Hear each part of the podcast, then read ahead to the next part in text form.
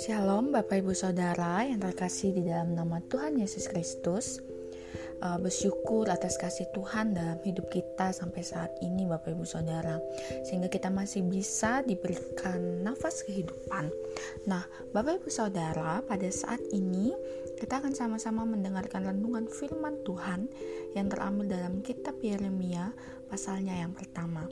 Sebelum kita merenungkan firman Tuhan, Bapak Ibu Saudara, mari kita sama-sama bersatu di dalam doa. Kita berdoa. Tuhan Yesus, kami bersyukur atas penyertaan-Mu dalam kehidupan kami hingga saat ini. Kami berterima kasih ya Tuhan untuk kesempatan mendengarkan bahkan merenungkan firman-Mu pada pagi hari ini. Biarlah firman-Mu boleh menjadi kekuatan bagi setiap kami dan mampukan kami untuk melakukannya. Di dalam nama Yesus kami berdoa dan mengucap syukur. Haleluya. Amin.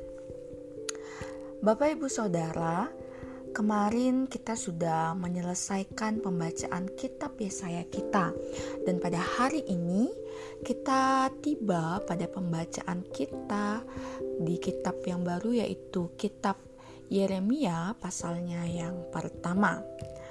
Tentunya Bapak Ibu Saudara ketika mendengar nama Yeremia, saya yakin nama ini bukanlah hal yang asing bagi kita semua. Kita tahu bahwa Yeremia adalah seorang nabi yang dipakai oleh Allah untuk menyampaikan isi hati Allah untuk bangsa-bangsa pada tahun 600 sebelum Masehi.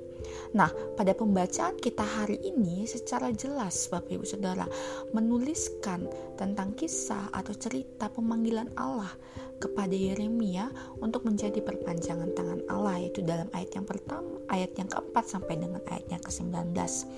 Nah, pasal ini terdiri dari 19 ayat dan kita akan fokus pada ayatnya yang keempat sampai dengan ayatnya yang ke-9 di mana teks ini menuliskan secara jelas bagaimana Allah memanggil Yeremia untuk ditetapkan menjadi nabi.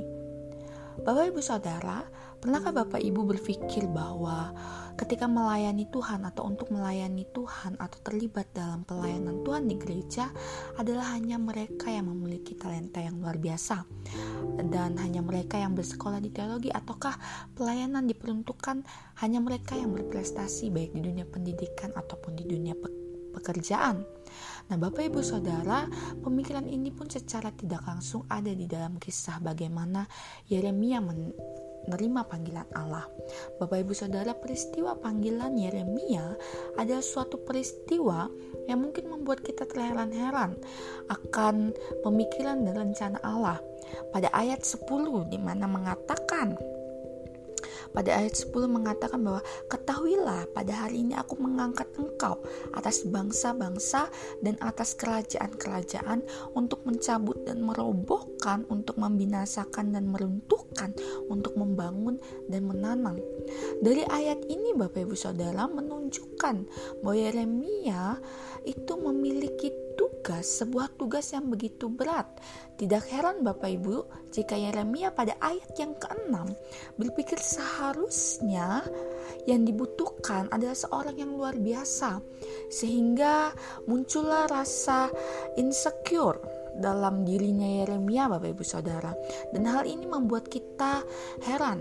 Pada ayat 6 mengatakan Yeremia mengatakan bahwa, "Ah Tuhan Allah, sesungguhnya aku tidak pandai berbicara sebab aku ini masih muda."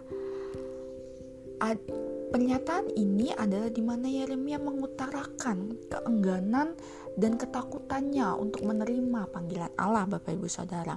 Namun, pada ayat ketujuh kita dapat melihat bahwa Allah seakan-akan tidak mengindahkan perasaannya Yeremia, justru terkesan dalam tanda kutip memaksa Yeremia. Di sini kita bisa melihat pada ayat ke-7, "Tetapi Tuhan berfirman kepadaku, Janganlah katakan, "Aku ini masih muda," tetapi kepada siapa pun engkau keutus, haruslah engkau pergi, dan apa pun yang kuperintahkan kepadamu, haruslah kau sampaikan.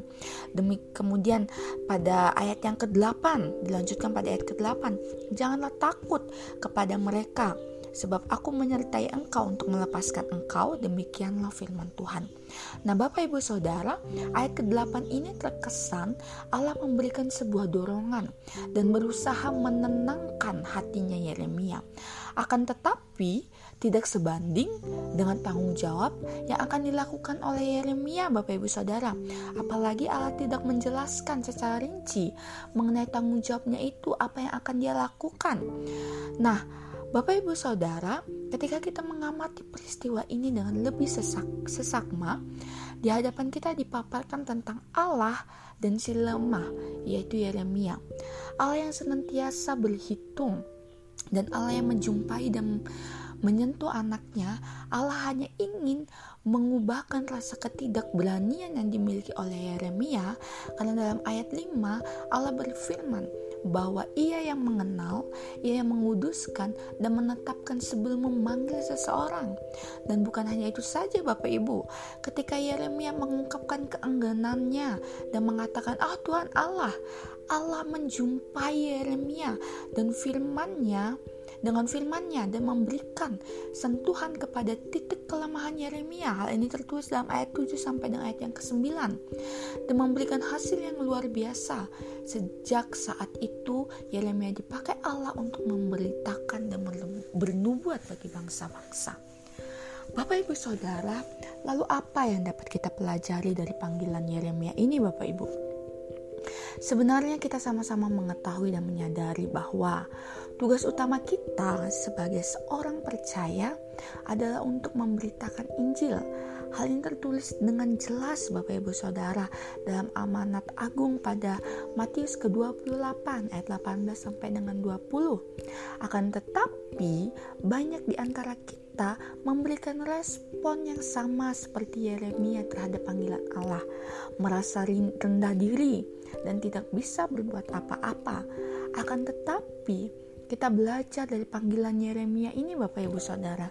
Ketika Yeremia mengatakan dia tidak bisa berbuat apa-apa kepada Tuhan, Yeremia malah mengalami pengalaman bersama Tuhan. Bapak Ibu Saudara, Allah mampu mengubah kelemahannya Yeremia menjadi hal yang luar biasa untuk memberitakan kemuliaannya sehingga Yeremia mampu untuk memekakan telinga umat Allah yang murtad dan firman-Nya merupakan sumber kekuatan dan sukacitanya.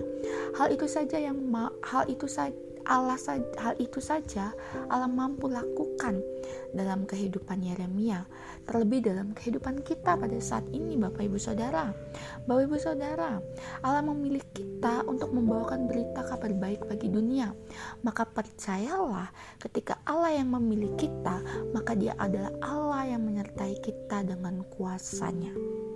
Oleh sebab itu Bapak Ibu Saudara, mari kita menjadi orang-orang percaya yang mau memberitakan kabar baik baik dalam perilaku kita, dalam pelayanan kita, kita memberikan yang terbaik bagi Tuhan, sehingga visi dan misi Allah boleh tergenapi atas dunia ini, boleh tergenapi atas bangsa kita, Bapak Ibu Saudara, sehingga kemuliaan Allah saja yang boleh nampak melalui diri kita dan juga melalui orang-orang di sekitar kita.